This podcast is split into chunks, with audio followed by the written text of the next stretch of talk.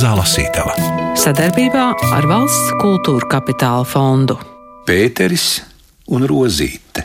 Pēteris Kalējs pārnācis mājās no darba, nosviež uz virtuves galda viestpapīrā ietīto malto cūgaļu un skaļi, tā lai viņu sadzird blakus istabā pie rakstām galda sēdošā jaunā sieviete, saka: Rozīt, mīļā, uzcep lūdzu kādu kotleti! Nu, Pēters Kalējs faktiski atnāca pats pie manis. Ne burtiski viņš, bet kāds līdz tam man nepazīstams. Vīrietis piezvanīja un teica, ka viņš grib ar mani tikties un kaut ko pārunāt. Tālivalds Margevičs, kuru vairāk pazīstam no kino pasaules, stāsta, kā radies romāns Zirgu gaļas pārdevējs, lasa Gundars Āboliņš. Nu, viņš teica, ka viņam ir kaut kāds kā materiāls. Nu, tad es aizgāju uz tikšanos, mēs satikāmies kafejnīcā. Viņš nolika tādu sādzeltējušu vecu padomu laiku mapīti. Tādu vākie, tur ģela nomirīja. Tur iekšā bija tāds galīgs sabirzs manuskripts. Viņš teica, ka nu, viņš ir izlasījis man iepriekšējo grāmatu par Eduardu Bērziņu. Un ka viņš grib, lai es izlasu, varbūt, kad es redzu tur materiālu, lai kaut ko uztaisītu, tādu, kā viņš teica, literārāku.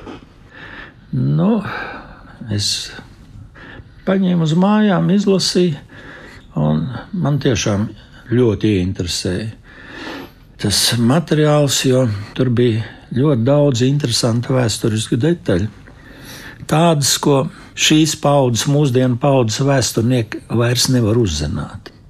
Es arī daudz no tām detaļām nezināju. Pēc tam jau vēlāk es pa muzejiem, arhīviem skatījos, nu, nekas tam līdzīgs nebija atrodams.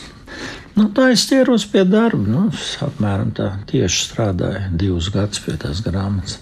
Protams, arī Pēteris nopriecājas par nopelnīto naudu un jau izplāno, ko nopirks. Piemēram, ja piekrātu naudu vēl klāt, varētu iegādāties pats savu trompeti, jo tas instruments, kuru pēcis pašreiz lieto, pieder Fredim. Diemžēl nepaiet necik ilgs laiks, kad ķēzarienes Katrīnas otrās skolā sākas skandāls. No audzēkņu saraksta svītro ārā grupiņu puišu, kas sasaistījušies ar kaut kādiem sociāldemokrātiem un aģitējuši pret cara tētiņu.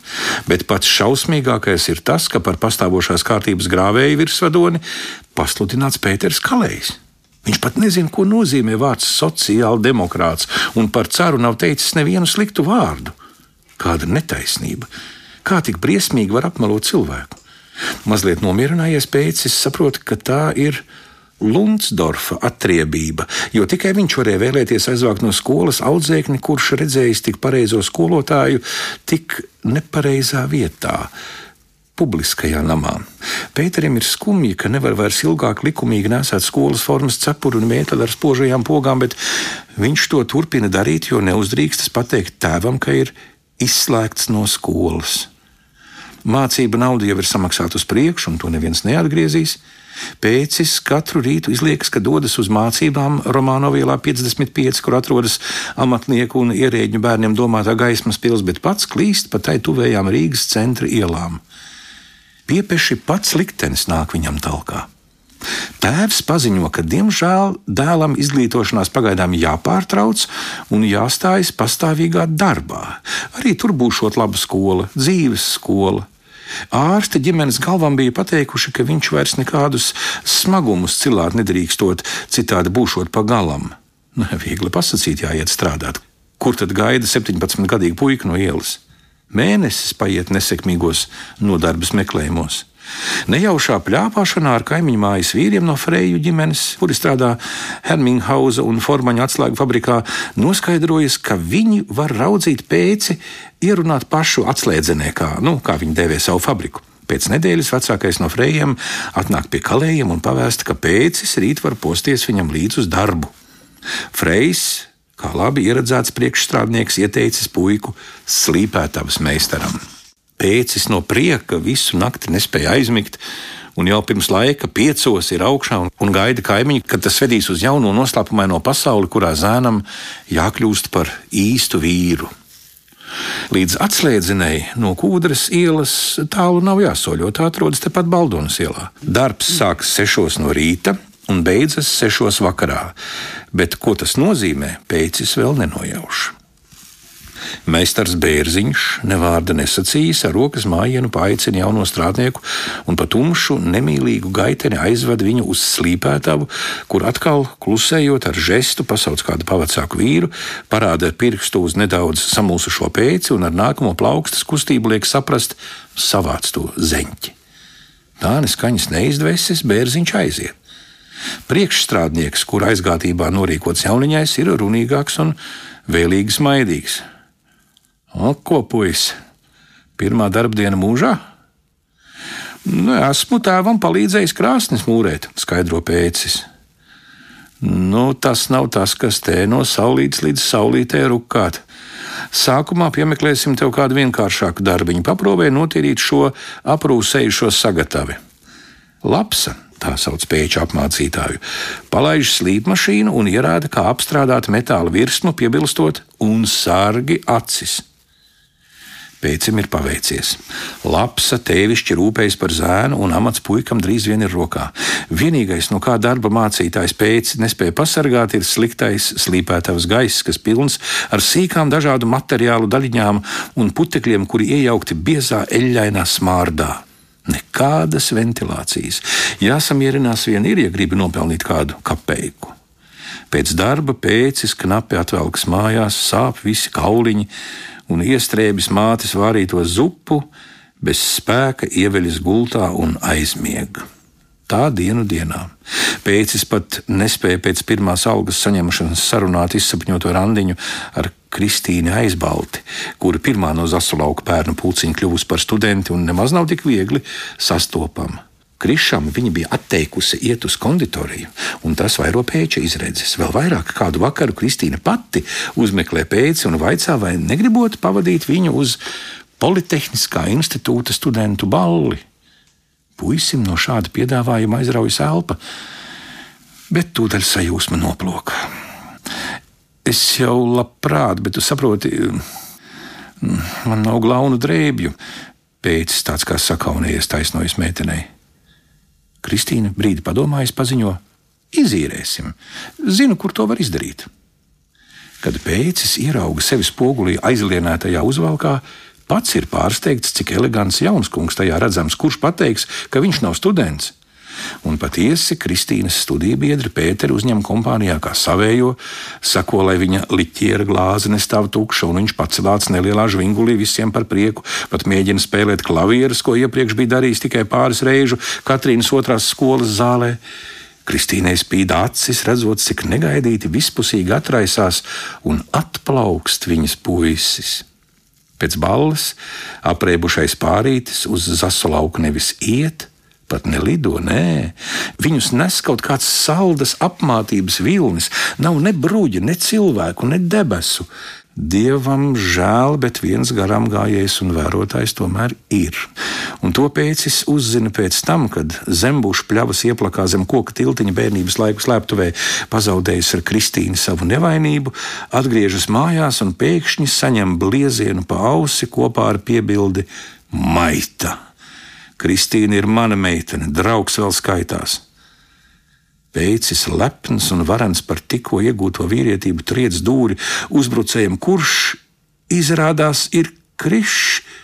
Tieši degunā, krišs gar zemi, pēcis berzē sasistu ausu un draudu. Es tevi nelaimīgo lūriķi varētu nosist, nav jau jēgas. Kristīne pati ir izvēlējusies mani, tev nepielec. Mirkli nekas nenotiek. Krišs guļ zemē, pēcis stāv viņam līdzās. Tad pēcis pasniedz roku pakritušajiem un palīdz piecelties. Krišs nikni izmet, ej dirst. Nu, pirmkārt, ja, ja es pretendēju uz tādu vēsturiski dokumentālu darbu, tad man ir jāpārbauda arī tie fakti, ko min šo piezīmju autors. Nu, un pēc kāda laika es pārliecinājos aizvien vairāk, kad viss tas, ko viņš ir atzīmējis savā biogrāfijā, ka tas patiešām ir noticis. Protams, lai rakstītu grāmatu, nu, man vajadzēja plašāk to materiālu, dabūt to pasaules kontekstu, kurā šis cilvēks darbojās. Tiešām pasaules konteksts, bez pārspīlējuma, ja, jo tur ir daudz pasaules valsts, kurās viņam ir nācies ne tikai pabūt, ja, izskriet cauri, bet arī padzīvot, pastrādāt, pamocīties. Pasēdēt cietumā. Jā.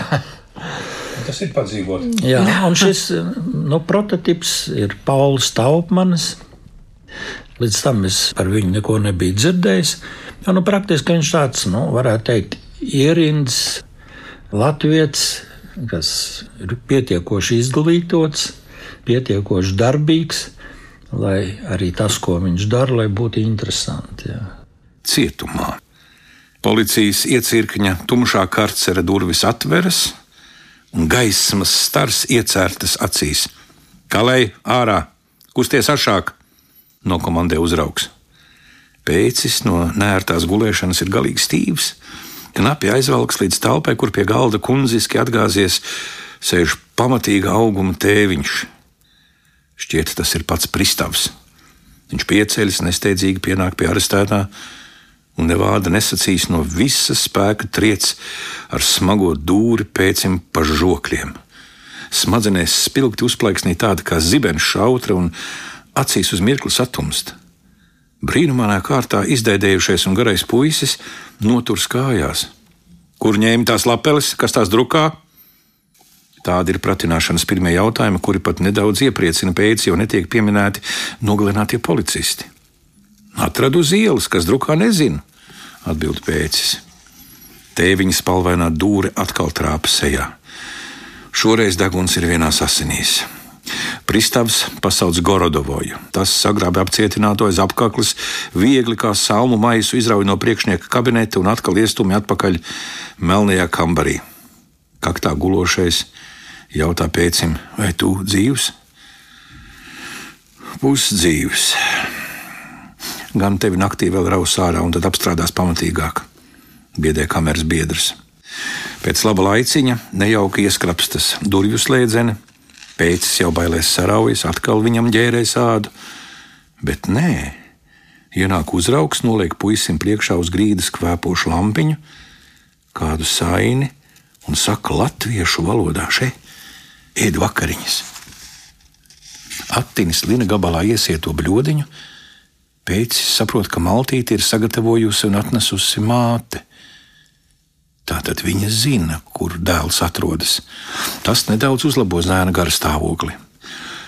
No rīta sargs atver durvis un izdzen pēc pagalmā mazgāties. Dienas gaisma atklāja, ka arestants ir pamatīgi notriepies ar asinīm. Ar baļļā sakrāto augsto lietas ūdeni bez ziepēm diezko noberst nevar, tomēr sejas āda atgūst svaigumu. Uzpampušajam degunam gan nevar pieskarties ellīgi sāp.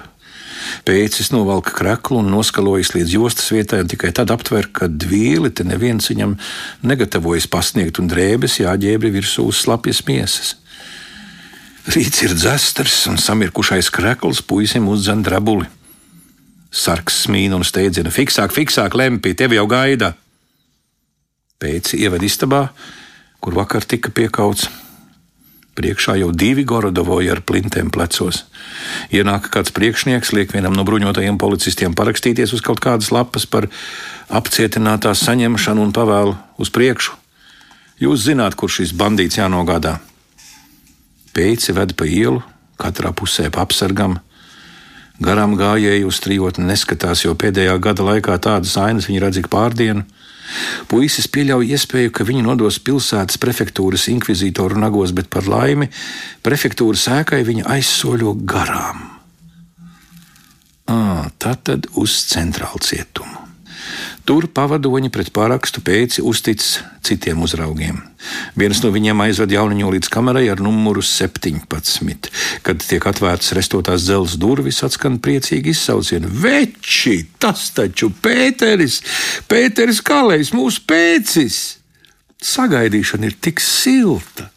Ka pēča drūmās noskaņas izgaist kā nebijušas, birst jautājumu krusta par pēdējā laika notikumiem ārpusē, vai sociāldemokrāta organizācija izdzīvos, vai cīņa vēl iznāk, vai vēl kāds no spīdzinātājiem ir novākts. Pēcim dikti gribas palielīties ar saviem varoņdarbiem Gregorija ielā, bet viņu attur bažas, ka stāsts var nonākt nevēlamās ausīs. Kamera ir pārpildīta, jāguļ uz grīdas. Pēcim ierāda salmu maisu pie attālākās sienas.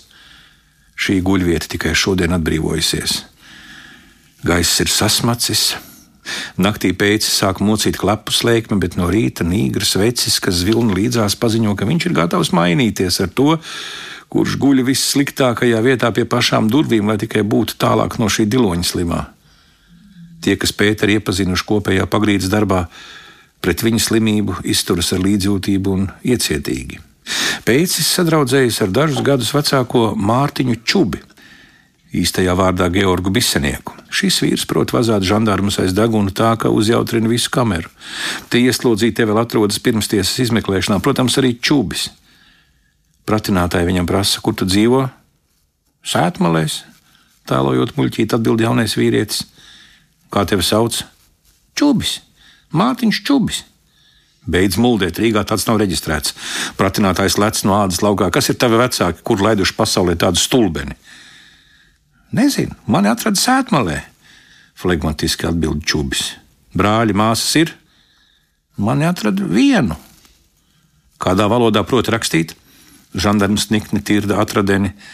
Burtus eh, nepazīstu, parakstīt jums eh, neko nemācīšu. Izmeklētāji dienām ilgi nomokās, bet tā arī netiek skaidrībā ar viltnieku. Vienīgais, kurš no priekšniecības līdzjūtīgi izturas pret čūbi, ir vecais cietuma sargs Kiršbauma papus, kas pats neprot lāgā krievu valodu, bet allaž dusmojas, ja kāds viņu uzrunā latviski. Ieslodzītie, kuru viens no lozungiem ir cīnāmies pret latviešu pārkrievošanu, labprāt panēro kiršbaumu. Piemēram, vienu rītu viņš sauc Klīverbom, nāc sudā, vajag polmīt! Par klīverbomu iesauktais Pēters Saulītis. Tā apbraucēja kuģa kapteinis met šim pretī. Nesaprotu, ko jūsu augstdzimtība saka. Pasauciet oficieru, lai man iztulko krieviski. Tas kiršbaumam ir kā sitiens zem jostas vietas. Ak, tā! Tu man atteis laizīs līdz sroka beigām katru dienu. Vispār jau Kiršbauma paps ir krietnes vīrs un ļaunu prātu ilgi netur. Viņš nekad neapzog radinieku pienesumus ieslodzītajiem, nerakājas atnestajās mantās. Kamēr tiesa nav piespriedusi sodu, visi arestanti joprojām nesās savas drēbes. Netīro veļu ir atļauts nodot mazgāšanai ārpusē un tīros saņemt atpakaļ. Pēča sanācētās drēbes paņemt atnāk māsa Ella. Pirms nest tās atpakaļ, viņa ir iemanījusies groziņā starp sagludināto veļu, ieslēpt kādu zīmīti. Izgriezumu no avīzes vai tintes pulverīti. Visticamāk, Kiršbauma papus kaut ko nojauš par nelikumībām, bet piever acis uz šīm lietām. Viņa liktenis mētā visur. Viņš pats, diemžēl, lielākoties nevar izvēlēties, ko viņam darīt. Ja? Nu, tā mēdz būt. Man tas arī likās interesanti, ka nu, mums latviešiem ļoti bieži ir tā. Es domāju, tauta jau kopumā, ka mēs nevienmēr varam izvēlēties, kā dzīvot. Toties mēs vienmēr varam darīt visu, lai izdzīvotu un lai saglabātu savu tautu. Ja. Tā kā arī no šī viedokļa man šis liktenis likās interesants. Un arī to, ka nu, savā dēkās arī var teikt, ja, visur parādās tā, tas latviešu novērtējums. Ja, jo visur pamanā, ka Latvijas ir strādīgs, ka uz Latviju var paļauties, ja, nu, ja runājam par godīgu cilvēku kompāniju. Ja. Un tā, nu, un bez tam arī liek domāt, tur arī tā sociāldemokrāta kustība. Ja. Tas arī ir kaut kas interesants, jo mēs zinām, mums tagad sociāldemokrātiskas partijas nav.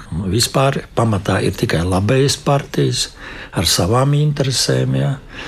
Nu, tā kā vismaz vēsturē mēs varam apstīties, kā nu, pamatā jau viņš bija mērens sociāldemokrāts, viņš nebija bolševiks. Jā. Ziniet, ko es tagad lasu? Es lasu sludinājumu kooperatīvā sabiedrība padomu Latvijas sudraba lapsa iepērk pret tulītēju samaksu izbrāķētus darbam nederīgus zirgus.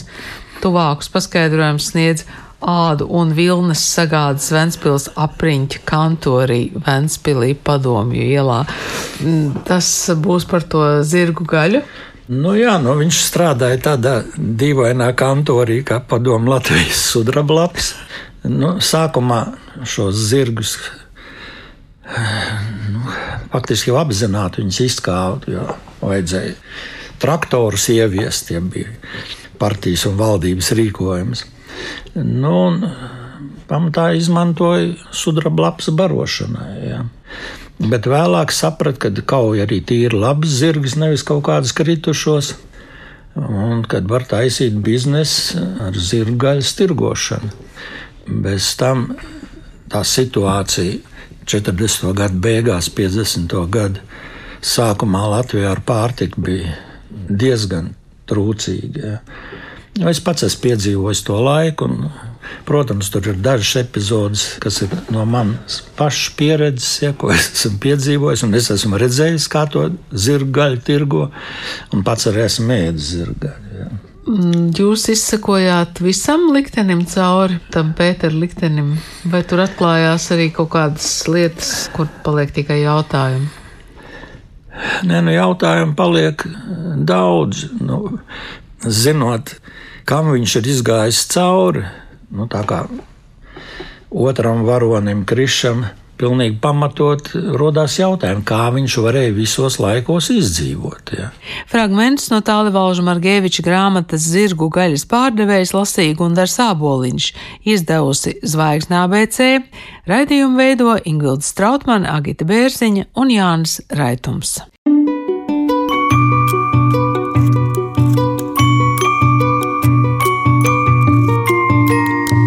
Radio Mazā Lasītava sadarbībā ar Valsts kultūra kapitāla fondu.